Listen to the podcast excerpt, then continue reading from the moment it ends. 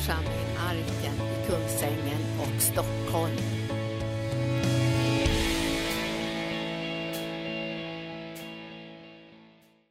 Ja, eh, när, eh, när jag växte upp så var det ju så att jag hade ju två stycken, liksom, kan vi säga, eh, megafoner som var riktade mot mig. Eh, den, e-, den ena megafonen liksom handlade om att det går ut i hela världen, gör alla människor till lärjungar. Och den andra megafonen eh, eh, handlade mer om att eh, kom och sitt i kyrkan och eh, lyssna på vad, vad prästen säger eh, och, eh, och hur han predikar. Och, det, det, och gjorde man det, liksom det här andra delen, då var prästen nöjd. Då. Och det räckte med det. Och han ville inte liksom att jag skulle sätta igång och predika, det hörde- jag aldrig talas om. Eh, men, men han ville liksom eh, att jag skulle sitta där. Och eh, eh, så var det där första då, då, att gå ut i hela världen. Det ville hela min familj då, eller släkt och, och vänner och så. Där, liksom alla de här som hade varit ute i missionen, alla ville det, gå ut i hela världen. Och, eh, och det mm, tänkte väl jag att det, det kanske blir någonting sånt där någon gång. Får se. Får se.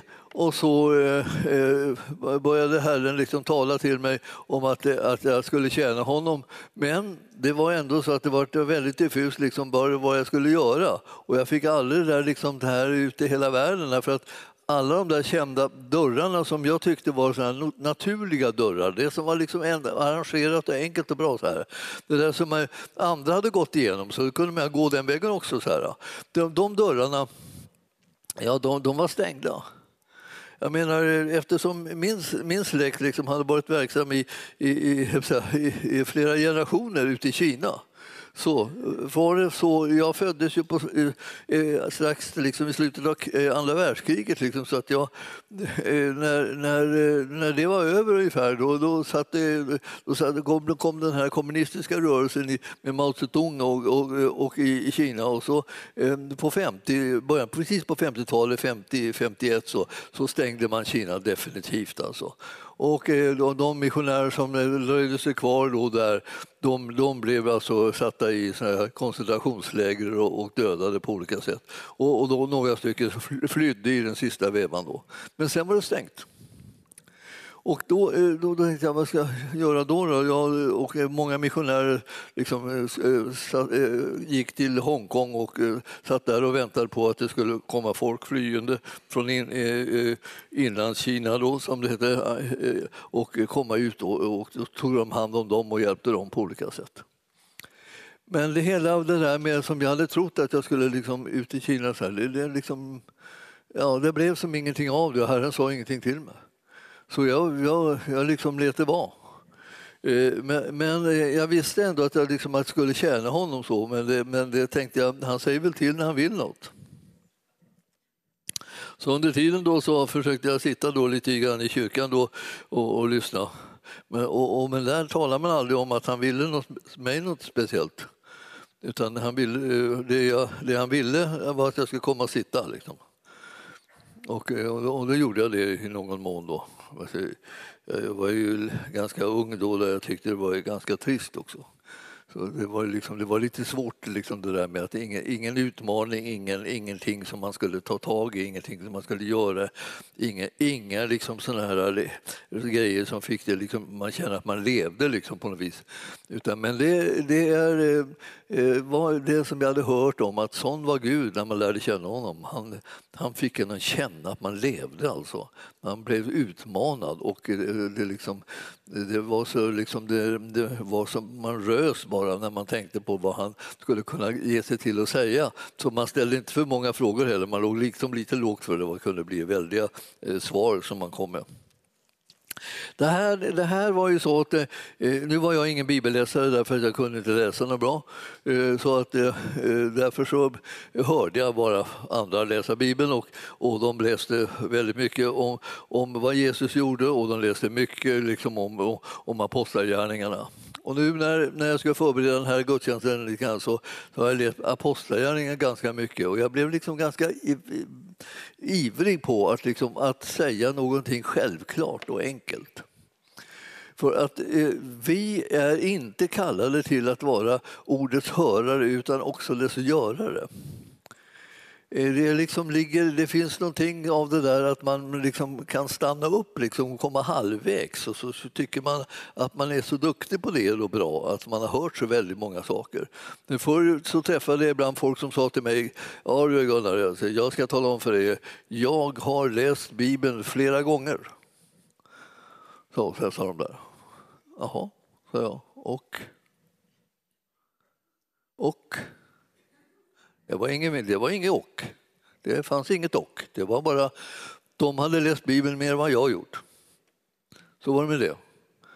Och de ville väl att jag skulle beundra dem för att eh, de var så duktiga på att läsa Bibeln, då, liksom läste så mycket och visste de här sakerna mycket bättre.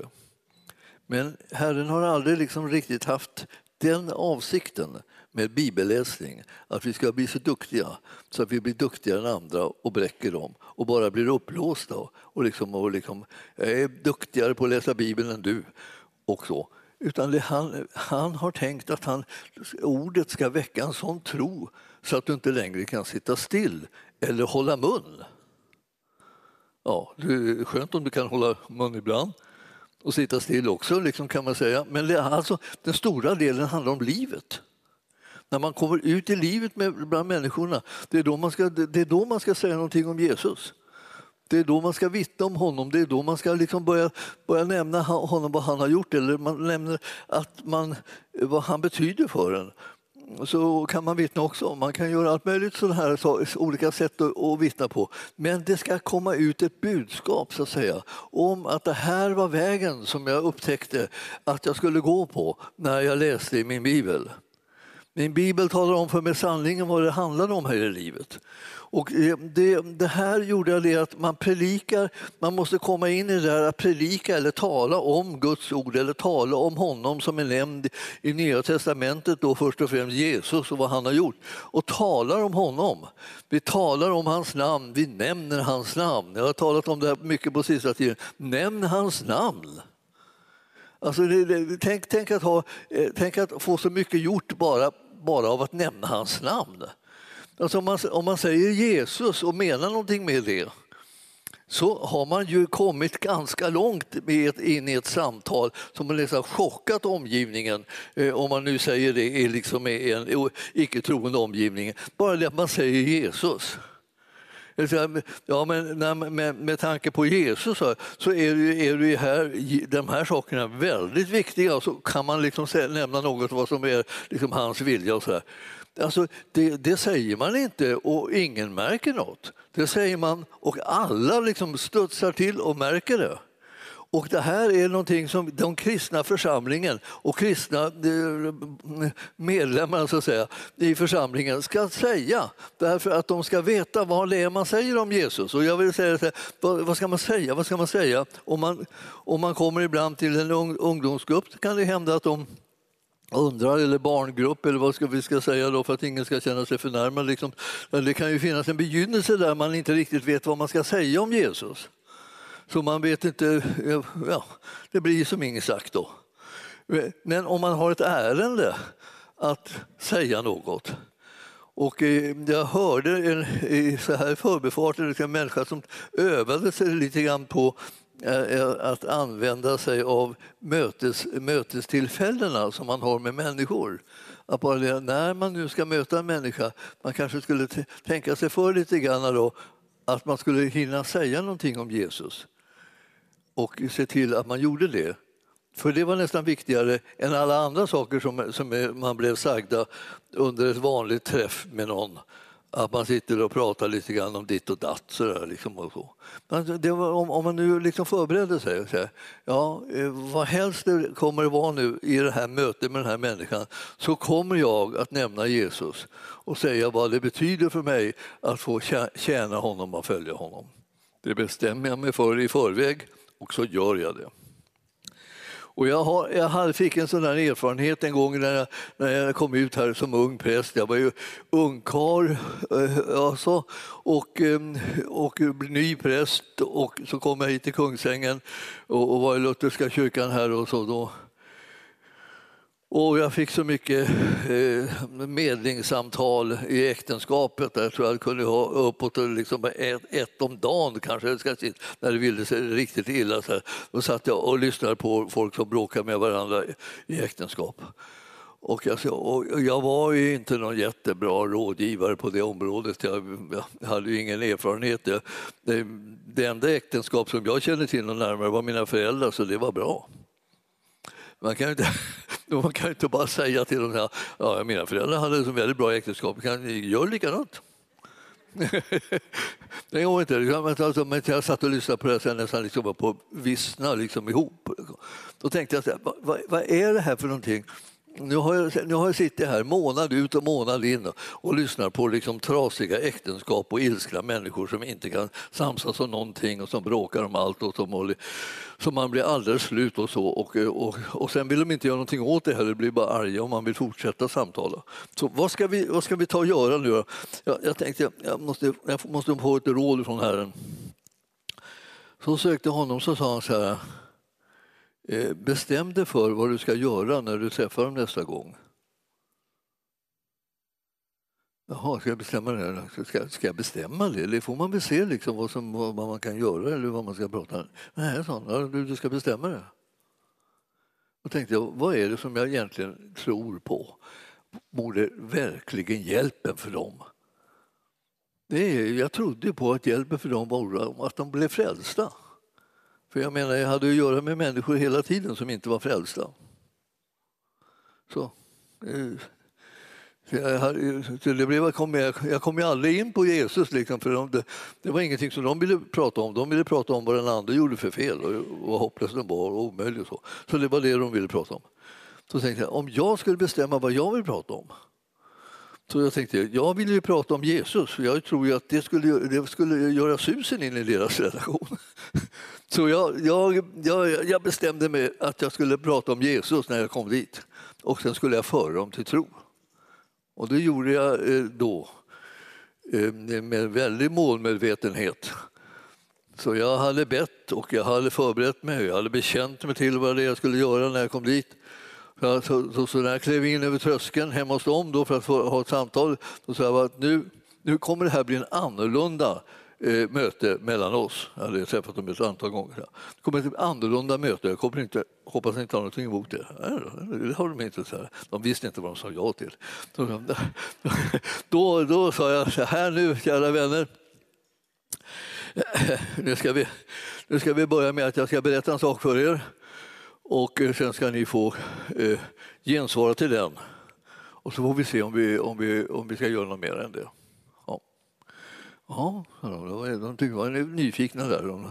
Så, vi satte oss ner och så sa jag att nu ska jag berätta för er eh, hur man tar emot Jesus. Så berättade jag för hur man skulle göra det. Och jag predikade och berättade för vad han hade gjort för dem och om förlåtelsen om, eh, om den nya födelsen och, och, eh, och hur, hur en människa kunde bli, få hela sitt liv förvandlat. Och därmed också sina relationer. Eh, när man höll sig nära Jesus så kom det relationerna att förändras. Och eh, så när jag hade pratat färdigt om det så sa jag nu så här gör man för att ta emot honom. Så berättade jag hur man gör för att ta emot honom och sedan så sa jag till dem att och eh, nu är min fråga bara till er, vill ni ta emot honom? Det, det, var inte något annat prat vi hade runt omkring liksom bara för att mjuka upp det här. Utan nu var jag på väg in liksom här för att berätta hur man ska ta emot Jesus. Och de hade väl eh, inte hört sånt här förut, jag vet inte. Vi hade aldrig varit inne på det i alla fall. Men eh, ja, den ena sa men, ja, men jag vill, jag vill ta, ta emot Jesus. Ja, det vill ju jag också, sa den andra. Ja, bra, så jag. Då, då faller vi på knä här vid soffan och så, och, och, så ska jag be bönen som kommer från Romarbrevet eh, 10, 9 och 10 eh, och sedan så säger ni ert amen till den bönen. Liksom. Och då har ni inbjudit Jesus att komma in i ert hjärta och för att frälsa er och då kommer han eh, rättfärdiggöra er och föda er på nytt. Så är, är ni förlåtna och har fått ett nytt liv. Är det bra? Förstår ni? Ja, jo. det gjorde de då, sa de. Så, ner på knä låg jag där bredvid dem. Och så, det var väldigt vad det här gick lätt tänkte jag, det var fantastiskt det här. Och så bad jag, så bad jag den här bönen liksom om, det, om frälsningen och sa hur är det er tur? vad skulle ni säga om ni vill ha, ha del av det här? Ja, ja, amen, amen sa de då båda. Då, så här. Ja, så, så, så la jag händerna på dem och bad att de skulle bli döpta den helige Ande. Och sen så, ja, nu, nu, nu så, nu kan vi sätta oss upp och så ska vi, eh, var det något annat som ni ville ta upp? frågade jag. ja, jag var liksom, jag var liksom lite ovanligt fyrkantig. Jag hade suttit och varit förstående i om, många omgångar där liksom, innan så att man kan ju säga att jag hade tömt ut mitt förråd på att vara förstående. Liksom. Nu vill jag liksom komma till lösningen. Lösningen var Jesus. Då kan man säga att det här var ju liksom, kan det bli något bra av det här? Liksom med sånt här buffligt beteende, bara kliva in där och, och liksom tvinga på folk Jesus och så här. Men ni förstår, det, det, det blev inte på det sättet. Utan när de hade gjort det här, det här var början till deras nya liv. Så jag besökte dem igen och, och, de hade massor med frågor om hur de skulle göra, hur de skulle leva, hur de skulle vara. Och jag svarade på alla sådana här frågor då, som handlade om hur, hur lever man som kristen nu då? Vad, vad, är det, vad ska vi göra? Vad, vad behöver vi tänka på? Och, så här. och de hade jättemånga bra frågor och jag svarade på frågor där och visade dem bibelställena och visade hur de skulle läsa och göra. Så. Ja, och eh, eh, så dröjde det inte länge så, så, så kom, började de komma till gudstjänsten regelbundet liksom för att höra om Herren mer och mer. Och, så här. och det visade sig att det var, det, det var det var, det var ett under som hände. Deras liksom, familjesituation förändrades och, och liksom relationen mellan dem och relationen till barnen och allt möjligt förändrades. Alltså, det, det var ju som man, man tänkte så här, varför har jag inte gjort det här tidigare? Och nu blev det liksom en helt annan eh, liksom, stil på mina eh, medlingssamtal. Och i den mån så de inte tyckte att det där var någonting för dem, då sa jag då får ni gå någon annanstans, så kan ni gå till någon psykolog eller någonting eh, och prata om det här. Men, men jag har bara den här lösningen, för den räcker. Och så så det var någon enstaka sådär som gick någon annanstans och de inte ville veta av någon, någon lösning som, som, som var tillräcklig sådär, utan de ville, de ville prata problemen liksom, och anklaga varandra. Men det var, jag, hade, jag hade fått nog av kriget. Liksom. Och jag, hade, och jag kände nu, nu tar vi lösningarna. Och lösningarna är alltså Jesus och det sitter mängder med människor som hungrar och längtar efter att få höra om Jesus. Och de har ingen aning om vem de ska prata med och så sitter vi bredvid. Och eh, märks inte, eller syns inte eller hörs inte. Det tycker jag att ni ska vara med och ändra på. Alltså jag, jag känner liksom att det, det är ju man kan leva ett kristet liv som är ganska trist och ljummet och dant. Och så kan man leva ett äventyrligt, liksom, häftigt kristet liv som, som gör att man, man, man, man, känner nästan som att man är ute och går på, på vattnet. Liksom. Man, man, man får utmaningarna och man, man känner att man själv liksom inte riktigt vet var kommer det här ta vägen. Och Birgitta pratade lite grann om det här, man kan hamna i det där läget, man, man ger sig ut på saker och ting så man vet inte vad, hur, hur, hur kommer det här sluta? Eh, eh vad, vad, kommer att hända nu när jag sagt det här och det här och det här? Vad kommer det hända? Ja, vad är det? och, och jag börjar tänka så här, när man har att göra med Herren då kan det ju hända någonting bra om man pratar om honom och, och känner honom. Då kan det ju hända något bra. Ja, varför inte liksom ta med det som det första alternativet? Förmodligen kommer det hända något bra när jag nu talar om Jesus. Jag som är en troende. De behöver nämligen möta en troende som talar om Jesus. De behöver inte möta någon som har läst Bibeln och, och, och är någon slags teoretiker utan det måste vara någon som känner honom, som talar om honom och då kommer det bli skillnad i människors liv. De känner, de känner att milde tid, den här människan har ju någonting som jag skulle gärna vilja ha tag i och, och, man öppnar sig för det på ett helt annat sätt. Det är inte farligt. Det är det enda som kan hända, och det hände ju mig kanske ett par gånger så där, att, att någon, någon sa så här, nej vi är inte så intresserade av sådana där saker. Sa de, så här. Ja, så här, det, det, det, är mitt liv, sa jag. Så, jag, eh, så då behöver ni gå någon annanstans för jag kommer inte kunna eh, låta bli att tala om det här. Och, och, och då gick de få, men de var få. Och en del ville ha korta liksom, såna här, eh, samtal också för att, eh, innan de riktigt ville, eh, de ville, de ville ha några papper som de kunde skilja sig med. Det var, det var det man trodde att man fick när man kom till mig. Men jag hade ju, jag delade inte ut några sådana papper förrän jag hade medlat färdigt. Och jag, och jag, jag hade inte medlat färdigt förrän de blev frälsta.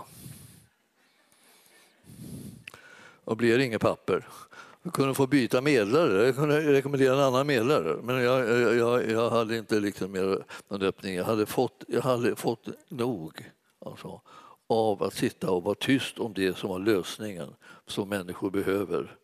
Alltså, jag kunde inte längre, längre tillhöra den skaran. Det var nog med det. Det här var liksom ett av de här sakerna som bidrog till så småningom att jag måste ha en, en annan typ av livsrum där jag kunde verka utan att eh, hela tiden ta hänsyn till världens eh, värderingar och tankar. Då måste man bli frikyrkopastor, förstår ni. I, ja, I bästa fall så innebär det det, att man inte håller på att rätta sig efter världen hela tiden. Då. Det, är inte, det är inte säkert att det alltid är så, men det för det mesta. Och det är härligt att få vara frikyrkopastor. Nu är jag en sån. Jag sa, jag är inte liksom kanske alldeles rum, rumsren, men jag är i alla fall en sån. En sån här. Och jag, jag vill säga till er att ni, när, ni, när ni nu får ut evangelium, och det behöver ni göra då för att ni ska tycka att kristendom är någonting att hålla på med. Annars så börjar det bli så trist att ni liksom nästan storknar på det. Liksom. Och ni liksom har, hittar alltid liksom förhinder, liksom möjligheter. saker jag tyvärr, tyvärr, jag är upptagen, jag ska dit, jag ska dit, jag ska hit och överallt. Och all, allting som man är upptagen av, det kan man hitta massor om man inte liksom lever ut det kristna livet. Hittar man, lever man ut det kristna livet, då har man ingen lust att liksom missa möjligheterna att få, få göra just det. Utan då tar man vara på det istället för att man håller på och försöker smita undan det.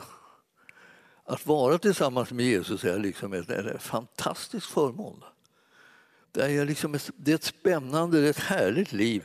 Och, eh, och att tala om honom och så, det är underbart. Och för att du ska få lite material till det då, så, så har ju Herren ordnat det så väldigt bra. Så man läser Apostlagärningarna, helt enkelt. Och Apostlagärningarna har ju ganska många kapitel och det blir man tacksam för när man läser dem, för vilka bra kapitel det är. Och vilken, vilken spänning och vilken, vilken utmaning det är att höra det här med, med apostlagärningarna. Alltså, eh, här får man veta vilken ordning man tar saker och ting. Så här. Jag vet inte vad jag ska säga, säger man, om man när det gäller då de, de som inte är frälsta. Ja, man kan säga liksom, man kan starta nästan vilken ände som helst. Och jag, jag tror alltså att eh, eh, du, du ska pröva, pröva på vilken, eh, vilket sätt att starta ett samtal om Jesus som passar dig bäst. Och eh, då menar jag liksom ett samtal som kommer att handla om Jesus. Alltså. Jag menar inte att du, att du undrar hur ska jag kunna få igång ett samtal utan att tala om Jesus. För det kan vi ju allihopa. Men, men det här med att få till ett samtal där vi talar om Jesus, det, det kan hända att vi behöver träna på lite grann och tänka igenom. Hur gör jag det? Hur gör jag det liksom med, någon som jag känner väl? För att det, ibland så är det jättejobbigt med någon man känner väl och inte har sagt någonting på åratal till. Men, men sen är det ju så att de där som man inte känner alls, då, då de kan vara enklare på något vis därför att eh, de, vet, de vet inte hur lite man hade pratat om det här tidigare så då, då, då, då känner man att man kan ta, man kan, man kan ta det rätt så liksom oväntat. Då, då. Och, eh, och man behöver göra det där för att man ska känna liksom spänningen och glädjen över att få se hur människor blir frälsta och hur det blir resultat och hur deras liv förvandlas.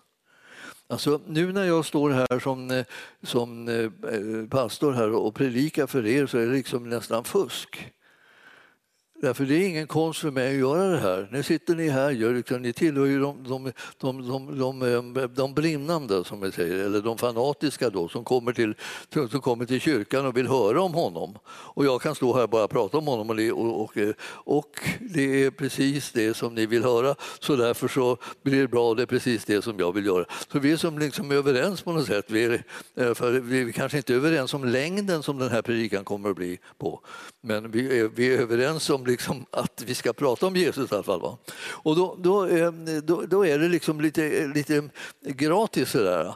Men, men när man kommer ut och ska prata med människor liksom, som är i andra situationer där vi inte har den här typen av överenskommelse, då, då, då, då är det lite annorlunda. Men då ska ni veta liksom att det finns kraft i det här namnet, Jesus. Och det finns frälsning i det namnet. Så ni är inte liksom lämnade i sticket när ni står där och ska nämna Jesus och predika om honom eller tala om honom och liksom vittna om honom. Någonting. Utan ni har, ni har kraften och makten och härligheten liksom med er i det. Så när ni börjar tala om honom, då inträffar det saker och ting. Eh, för en del liksom är det så, får erfarenheter av att, att det helt enkelt liksom börjar, liksom, de känner av eh, eh, Herrens närvaro över er när ni börjar prata om honom. Och då får ni hjälpen av det när ni ska vittna och få ut evangelium. Det här är, det här är ju väldigt bra att veta så man inte tror att man står där helt ensam och övergiven liksom, och lämnas liksom eh, bara åt sig själv. Och här, här, här hur ska, vad ska jag säga, ingen hjälp får man och här står man ensam och man tycker att man har, står ensam och ska försöka säga någonting om Jesus och hela världen är emot den. Och, och sånt där. Eh, ja, kristna får ju för sig sådana där saker ibland men om så hela världen vore emot en, och det kanske de är ibland så spelar det ingen roll för han som är med oss är mycket större än den som är i världen. Och det vet ni om ni har läst era biblar, så vet ni att han är större. Han är mycket starkare, han är mycket mäktigare. Det spelar ingen roll om hela världen är emot en, för att han som är med oss är mycket större. Så när vi börjar prata om honom då kommer det här som du och jag har tillsammans med Jesus att vara den övervinnande kraften i det här samtalet. Och det är det som kommer att bryta igenom in till människor som behöver bli frälsta. Och de behöver märka att ja, men det, det, det, här det är ju underbart. Ja. Eh, eh, varför har du inte sagt någonting förut? Får man erfarenheten av vad folk säger. Ja, ja därför att jag, därför att jag liksom har varit feg kan man då erkänna till exempel. Eller därför att jag trodde inte att du var intresserad, det kan man ju också säga om man trodde det. Det, det trodde man inte, man var egentligen bara feg. Det är det vanligaste. Men, men, man kan ändå tänka så här, man, man kan säga lite olika sådana här saker som kanske delvis kan vara liksom sanna. När Paulus var i, Filippi så, så ville han tala om för folk där hur, hur, hur det förhöll sig. Eh, och eh, hur, hur en människa skulle bli frälst. Och man behövde höra ordet. Och när man hörde ordet, liksom fick det utlagt för sig, så kom, kunde man bli frälst. Och, eh, eh, och, när man hade blivit frälst så kunde man välja att låta döpa sig för att liksom ge som ett tecken på att man var, var, den som verkligen ville ta emot det som eh, Jesus hade gjort för en. Hans, hans död och hans uppståndelse var det som symboliserades så, liksom, så fint och tydligt liksom, genom dopet. Därför där man visste liksom att den som hamnade under vattnet, den, det var bara en tidsfråga innan den dog. Och kom den upp ur vattnet så, liksom, så blev den definitivt le, levande och, och klarade liv, livshanken. Och den, därför så, så, hade man det här som, som en väldigt kraftfull demonstration inför människorna. Och här, vi, vi, vi har ju såna här som man har nu inom, inom frikyrkligheten, liksom när man tror på vuxendopat, så, så har vi ju en, en liten bassäng så här. Den här verkar svagt som vittnesbörd, men det är bara tack vare att, att de som ska låta döpa sig då, de har anhöriga och vänner som kommer liksom för att bevittna det, som inte nödvändigtvis är frälsta och då får de liksom se det här. Men när vi var nere vid Lillsjön en gång i tiden och, och döpte där, eh, och det var vi då för det mesta eftersom vi inte hade någon sån dopgrav för i början. Så, så eh, ja, vi lånade ju baptistförsamlingen eh, eh så småningom också lite grann och döpte där. Eh, men, men, men, det var som att, att, eh, att vara nere vid Lillsjön, det var, det, var det, det starkaste. Men det gjorde vi bara på somrarna av barmhärtighetsskäl, förstår ni. Det, eh, en, en del tyckte att, tyckte att, det var, att det var vinter jämt så de ville inte alls, alls gå ner i liksom det kalla vattnet. Men alltså annars var det så att det här, vi, vi döpte där nere och då var det ju mitt där folk badade. Liksom och, och då, då fick vi ju väldigt många vittnen till det här. Och, och, eh, och de som skulle döpas bekände sin tro på Jesus med, med hög röst och vi sjöng om Jesus och, vi, och så gick vi ut i vattnet där. Du kommer ihåg Göran? Alltså, det, var, det var något speciellt med det där. Va? Vi, vi, vi, vi upplevde liksom en, en mycket kraftigare vittnesbörd om liksom vad vi gjorde när vi tog emot Jesus. Att vi följde honom så att säga, i, i hans död och i, i, hans uppståndelse. Och när vi väl hade uppstått på, så säga, på andra sidan graven som vattnet då blev, då, då var vi på den sidan liksom, där vi skulle följa Jesus. Och, eh, och det skulle, nu skulle vi leva så att säga, i uppståndelsekraften. Nu skulle vi göra, liksom, leva det nya livet liksom, med hans kraft, den heliga Andes kraft.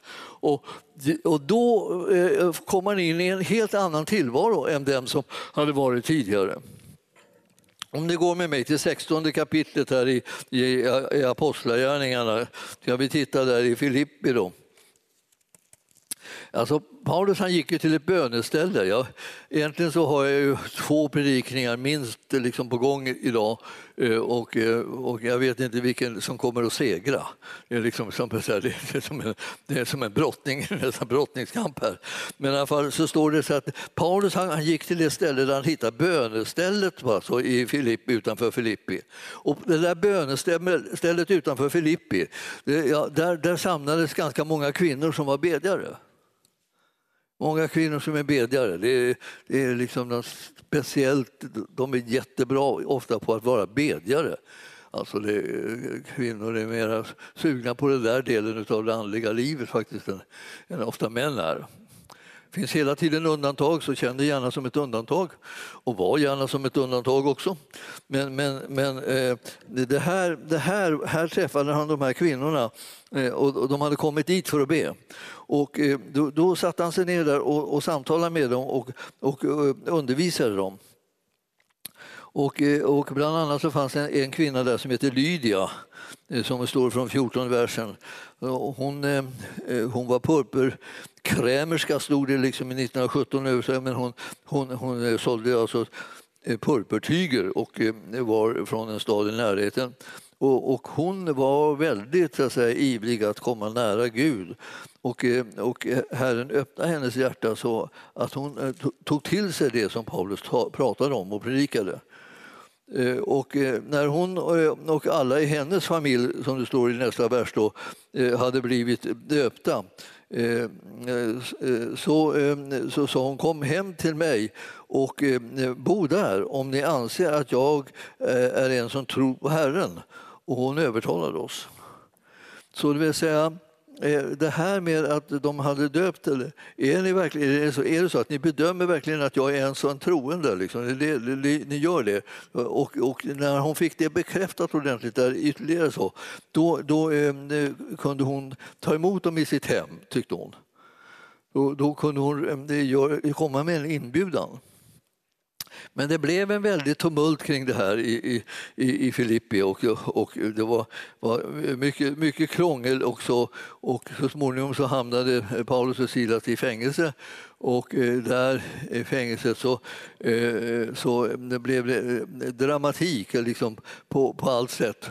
Och det slutade med, liksom, eh, eller slutade med liksom i änden där så var det så blev de lösta från sina bojor och, och, och fängelseportarna öppnade sig och Herren, herren, herren liksom gjorde ett eh, verkligt under. Det kom en sån våldsam jordbävning och, och som öppnade dörrarna på de olika, till de olika fängelsehålorna där. Och den där stackars fångvaktaren han vart ju alldeles förskräckt och tyckte att, att det är lika bra att jag tar livet av mig här. Då. Jag, jag släpper ut fångarna, kommer det se ut som. Jag, jag släppte ut alla fångarna. Så han, han eh, tog fram liksom svärd och skulle liksom kasta sig på det. Och då säger Paulus, gör, gör ingenting nu då. För det, det, här, det här ligger inte alls till på det här sättet. Utan nu, nu, det här är liksom herren, herren som griper in. Och, och då undrade han så småningom då när de hade talat lite grann, det var, hur, hur, hur, vad ska jag göra nu då, säger han i 20 versen, för att, att bli frälst. Och, de, och då, så, eh, eh, då svarar de så här att jag tror på Herren Jesus eh, så blir du frälst, du och din familj. Och, och de predikade Herrens ord för honom och för alla i hans familj. Nu har man ju haft tankar kring det här med liksom att den där familjen bestod hela tiden av åtskilliga småbarn som alltså var egentligen skulle kunna döpas som barn, då, småbarn. Men, men som ni ser i texten, om man läser lite innantill så ser man att det var inga småbarn. Utan det var ju så att, att eh, det, Paulus han, han predikade Herrens ord för honom, alltså den här, eh, han som skötte fängelset, och för alla i hans familj. Så de måste ju ha varit eh, något, något i åren komna ändå eh, för att de skulle kunna ta emot den där predikan som han hade. Eh, och sen står det så här att vid den här tiden på natten så tog fångvaktarna dem med sig och tvättade deras sår. Och, och han och de som hörde till hans familj döptes så genast. Och eh, sedan så förde han upp dem eh, i bostaden och dukade bord och jublande glad var han över att det här hade fått hända då och han och hela hans familj hade kommit till tro på Gud. Så de hade kommit till tro på honom alltså. Eh, och det där, eh, det där var ju en viktig sak. Eh, eh, att man först kommer igen till tro och så låter man döpa sig därför att dopet är demonstrationer av någon verklighet som har inträffat redan. Och det här är ju liksom eh, egentligen bara innantilläsning i Bibeln.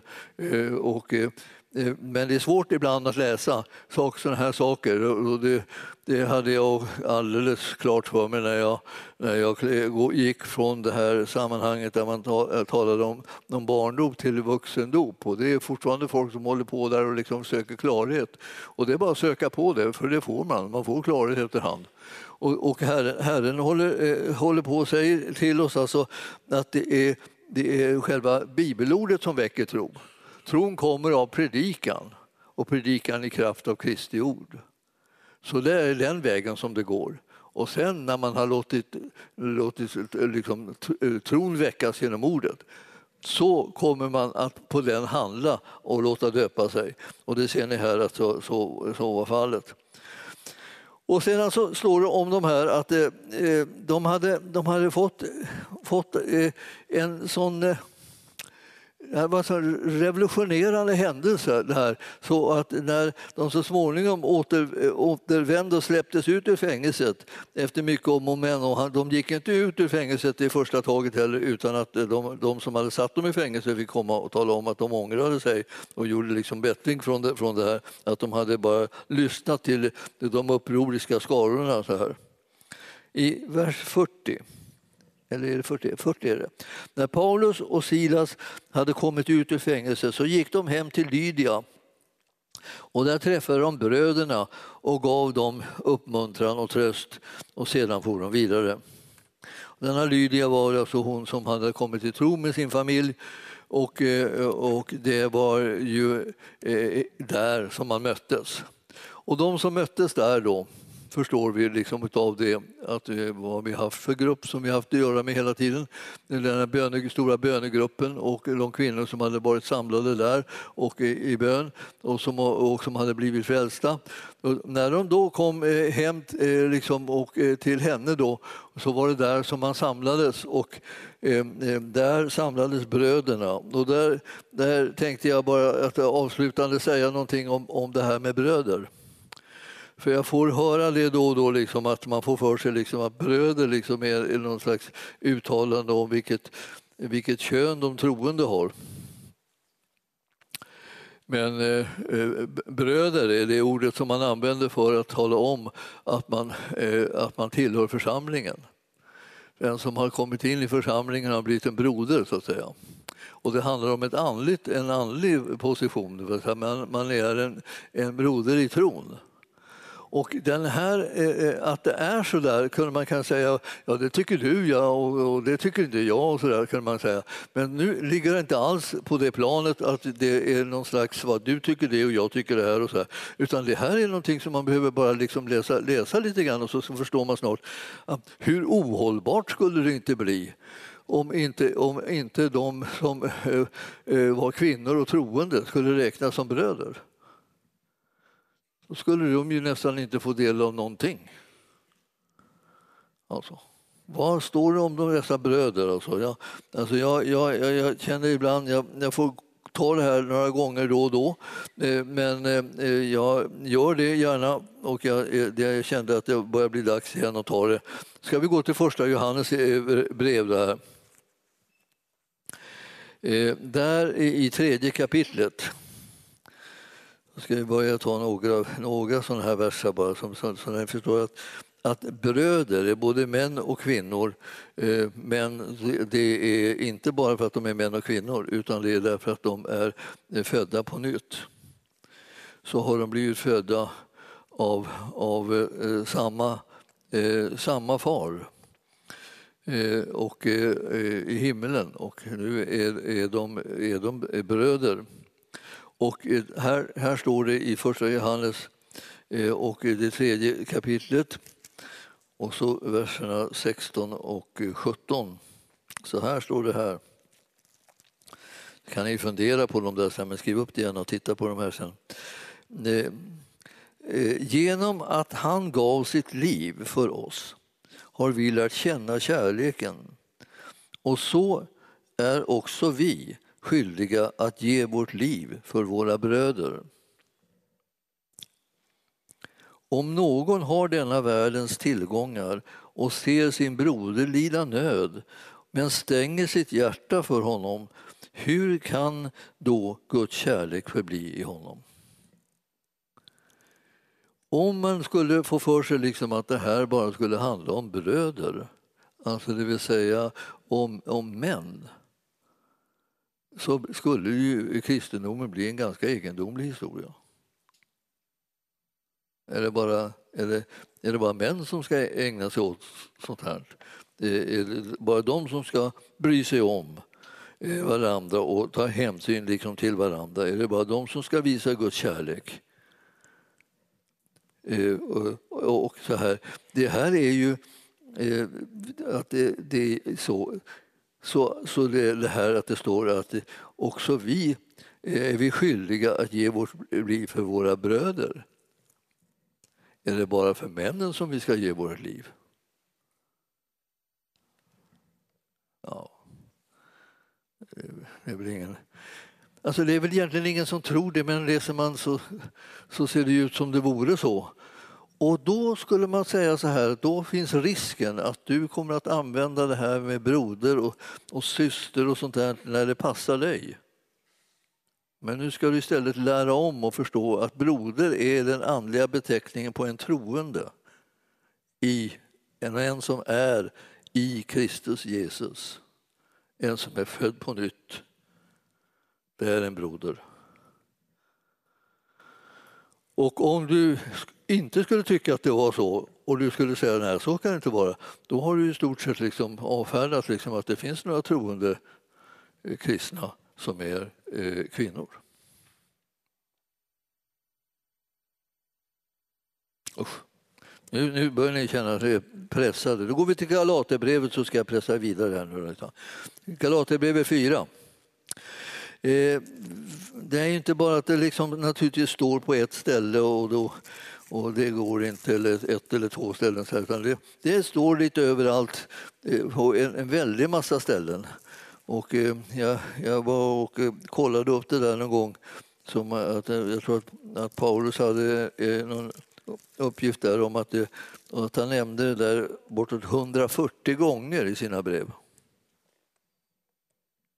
140 gånger. Det är inte, det är inte lite, det är inte liksom bara ett misstag eller att han var på, han var på dåligt humör eller gott humör eller hur vi ska säga en dag.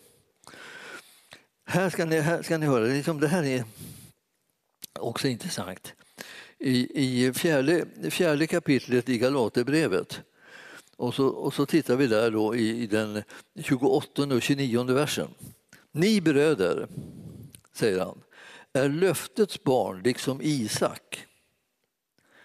Och som det var då att han som var född efter naturens ordning förföljde den som var född i kraft av anden, så är det också nu.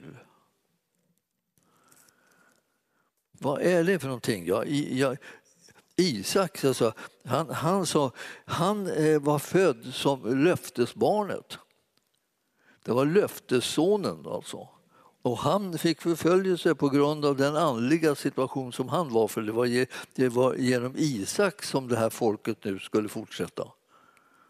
Så det var inte liksom någonting som, som det var, var bara liksom en liten bagatell så här. Och då står det så här att, att den som är född i kraft av anden alltså, blev förföljd av den som var född bara efter naturens ordning. Och vad är efter naturens ordning då? Biologi är det. Biologi. Vilket kön var det alltså. Den könsfrågan liksom var det, som, var det man eller kvinna? Ja, den som bara, där man bara undersökte den saken. Alltså, det, det var skillnad på den och då man undersökte den saken som gällde på det andliga planet. Så om de där verserna, två verserna behöver ni läsa några gånger och tänka på dem för att ni inte ska liksom bara läsa förbi dem och inte märka någonting. För det behövs att du och jag vet vilka det är som är Guds barn och vilka det är som är Guds söner och vilka som är bröder. Det behöver vi veta. För andligt sett så är det här både män och kvinnor, unga och gamla, alla de som tror och alla de som är födda på nytt och alla de som tillhör Jesus och är i honom, de är bröder. Och man behöver inte hålla på att säga systrar. Det är precis som vi har fallit i den gropen när det gäller eh, diakoner så säger man eh, att, eh, att eh, det finns diakoner och diakonissor. Det finns inga diakonissor. Det finns bara diakoner. Så när man läser i, i den grekiska texten så är det inte liksom någon särskilt feminin form för, för, för kvinnliga eh, diakoner och som kallas diakonissor. Utan det här är någonting som man har hittat på i traditionen. Långt, långt senare börjar man säga. För att liksom man tänker att både män och kvinnor ska få vara med. Ja, de är redan med. Det är bara att de kallas för diakoner båda två. Och när jag var ung så var det ju väldigt skillnad på, på pastorn och pastorinnan. Eller pa, pastorskan, eller vad heter. Pastorskan heter hon, ja. Pastorskan. pastorskan var inte en som hade ingen tjänst. Hon var bara gift med pastorn.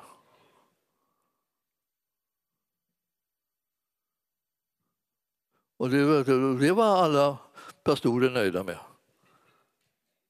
Men, men, eh, alltså, men eh, många eh, så att säga, pastorskor eller, eller pastorinnor det var jag all världen kan de veta. Ja, i alla fall var inte säkert alla så nöjda med det. Utan de försökte också vara pastorer.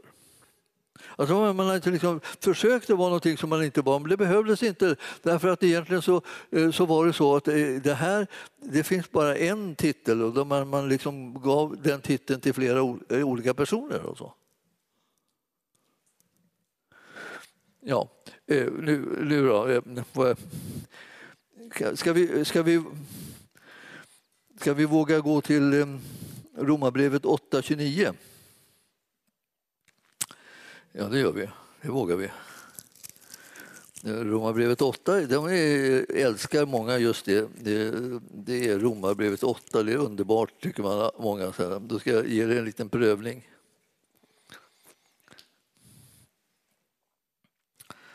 Ja, 8.29. står det så här. Ty de som han i förväg har känt som sina har han också förutbestämt till att formas efter hans sons bild för att sonen skulle vara den förstfödde bland många bröder. Var är bröder igen då? Men det var ju så här att eh, de som han i förväg eh, liksom bestämt till att formas efter hans sons bild. Eh, och de har han erkänt att det är de som är hans. Ja. De, de, för, för, för, att sonen skulle vara den förstfödde bland många bröder. Ja, många bröder. bröder vad är det för någonting? Ja, det är de troende igen alltså. Han ska vara förstfödde bland många troende barn. Det vill säga barn är det frågan om här, liksom, både söner och döttrar eh, i, i det, på det biologiska planet men, men på, på det andliga planet så är de allihopa bröder.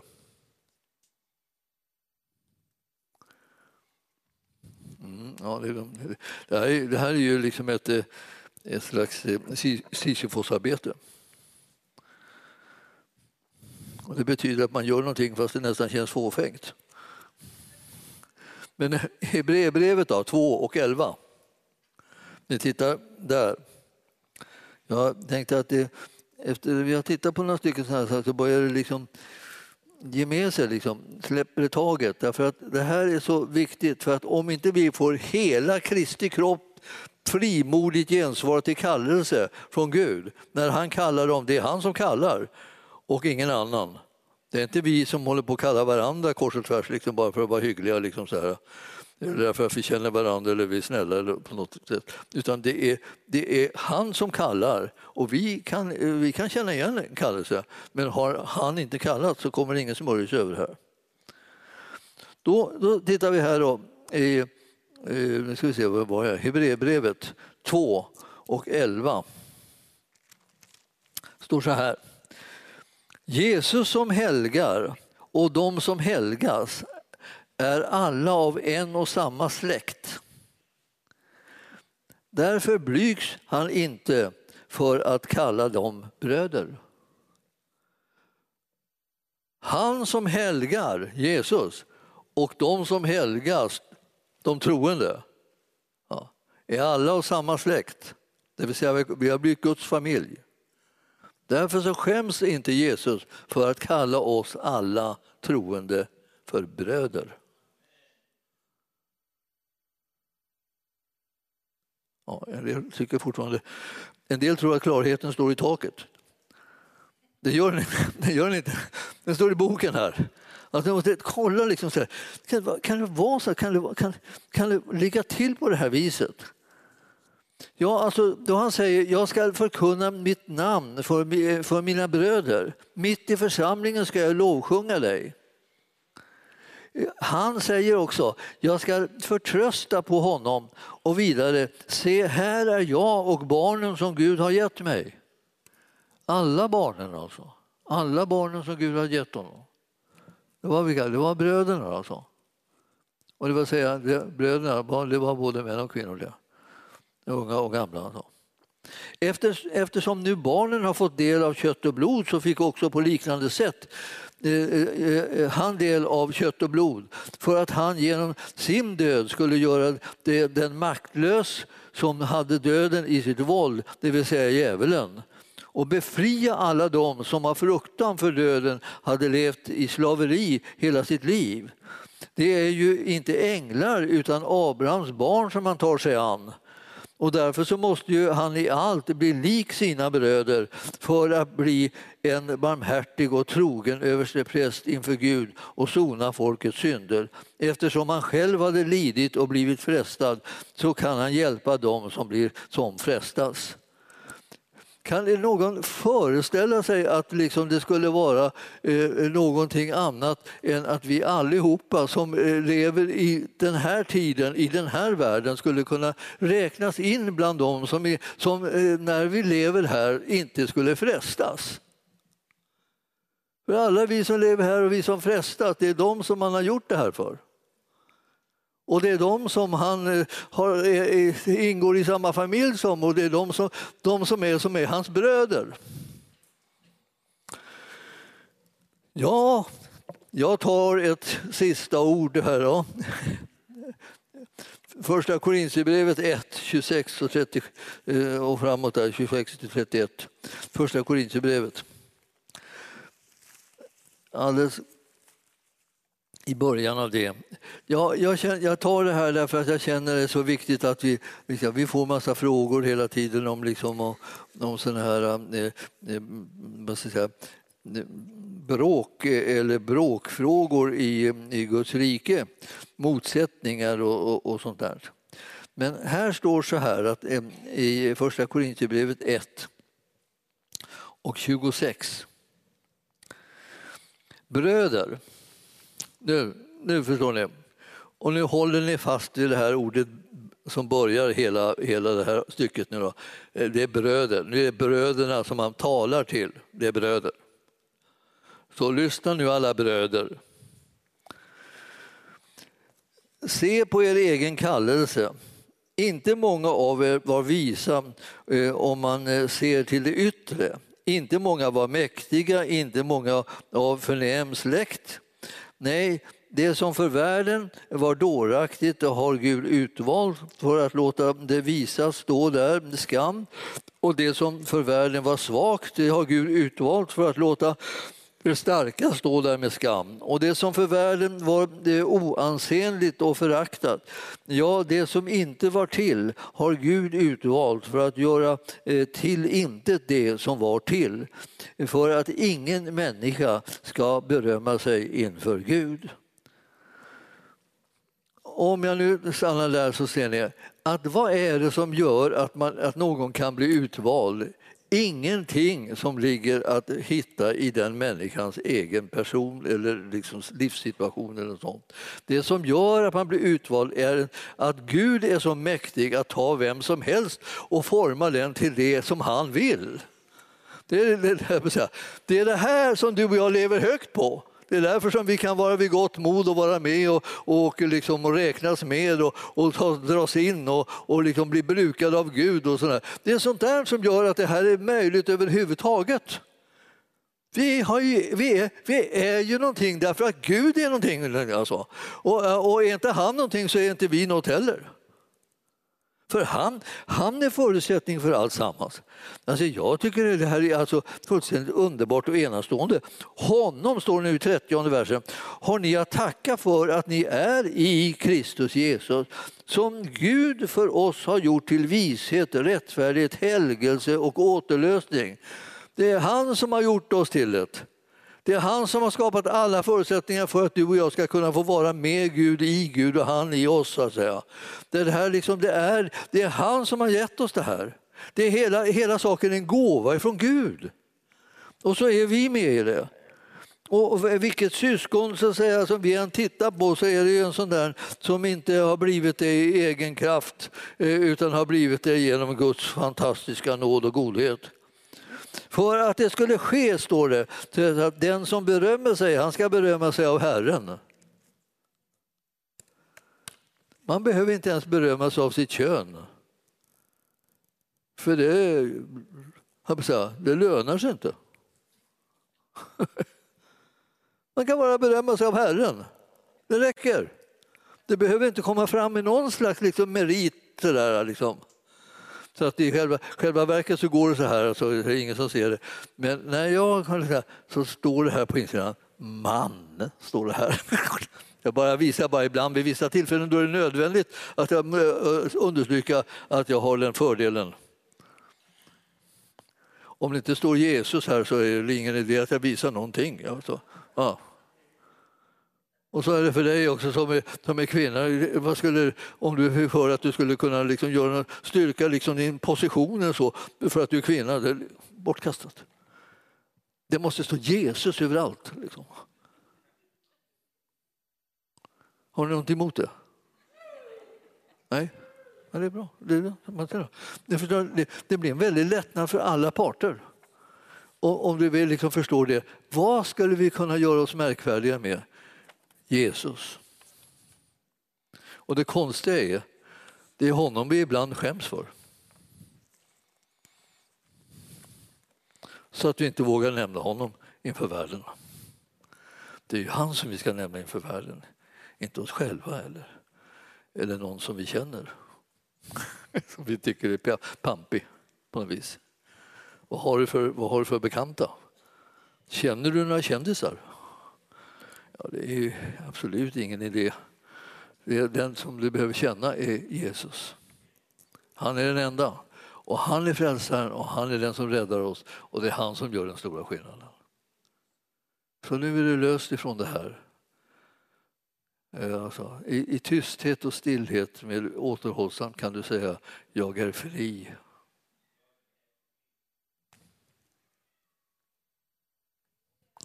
Nu tog, det, nu, tog det, nu tog vi i lite mycket med det här eh, tysthet och stillhet tyckte jag. Liksom.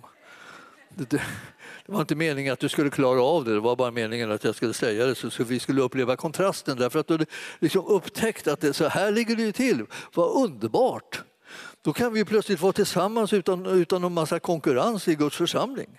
Då kan vi ju vara här och, liksom, och tjäna honom och ära honom och hylla honom utan att känna att vi liksom hamnar på sidan och, om och inte fick liksom någon uppmärksamhet och så. Det är han som ska ha all uppmärksamhet förstås. Det är därför vi träffas. Vi har gudstjänst för att tjäna Gud, inte för att ära oss själva eller varandra eller någonting. Så. Jesus är Herre. Det är han som är frälsaren.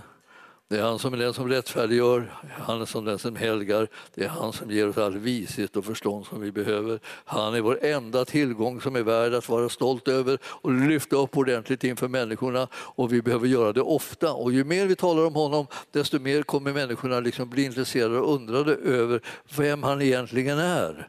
För jag menar, det finns en sån okunnighet om det så att det är nästan ofattbart. Och, och vi är de som kan det här och därför så behöver vi tala om vår mästare jämt och ständigt, överallt så att människorna får en känsla av att det är någonting där som jag kanske har missat.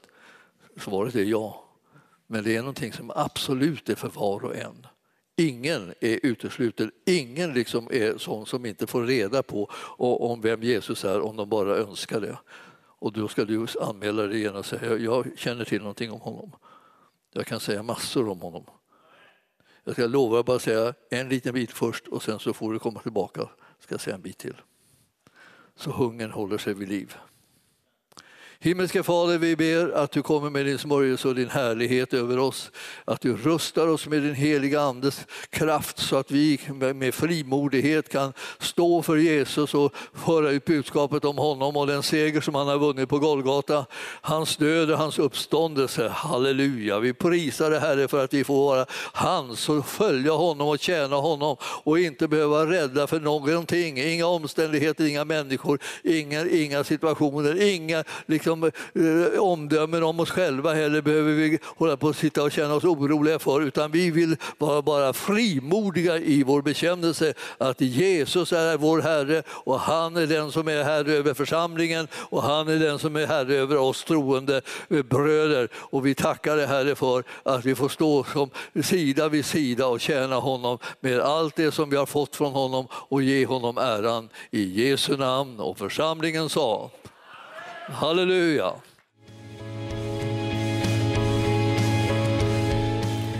Tack för att du har lyssnat. Vill du få del av mer information om församlingen Arken, vår helande tjänst, bibelskola och övriga arbete, gå in på www.arken.org.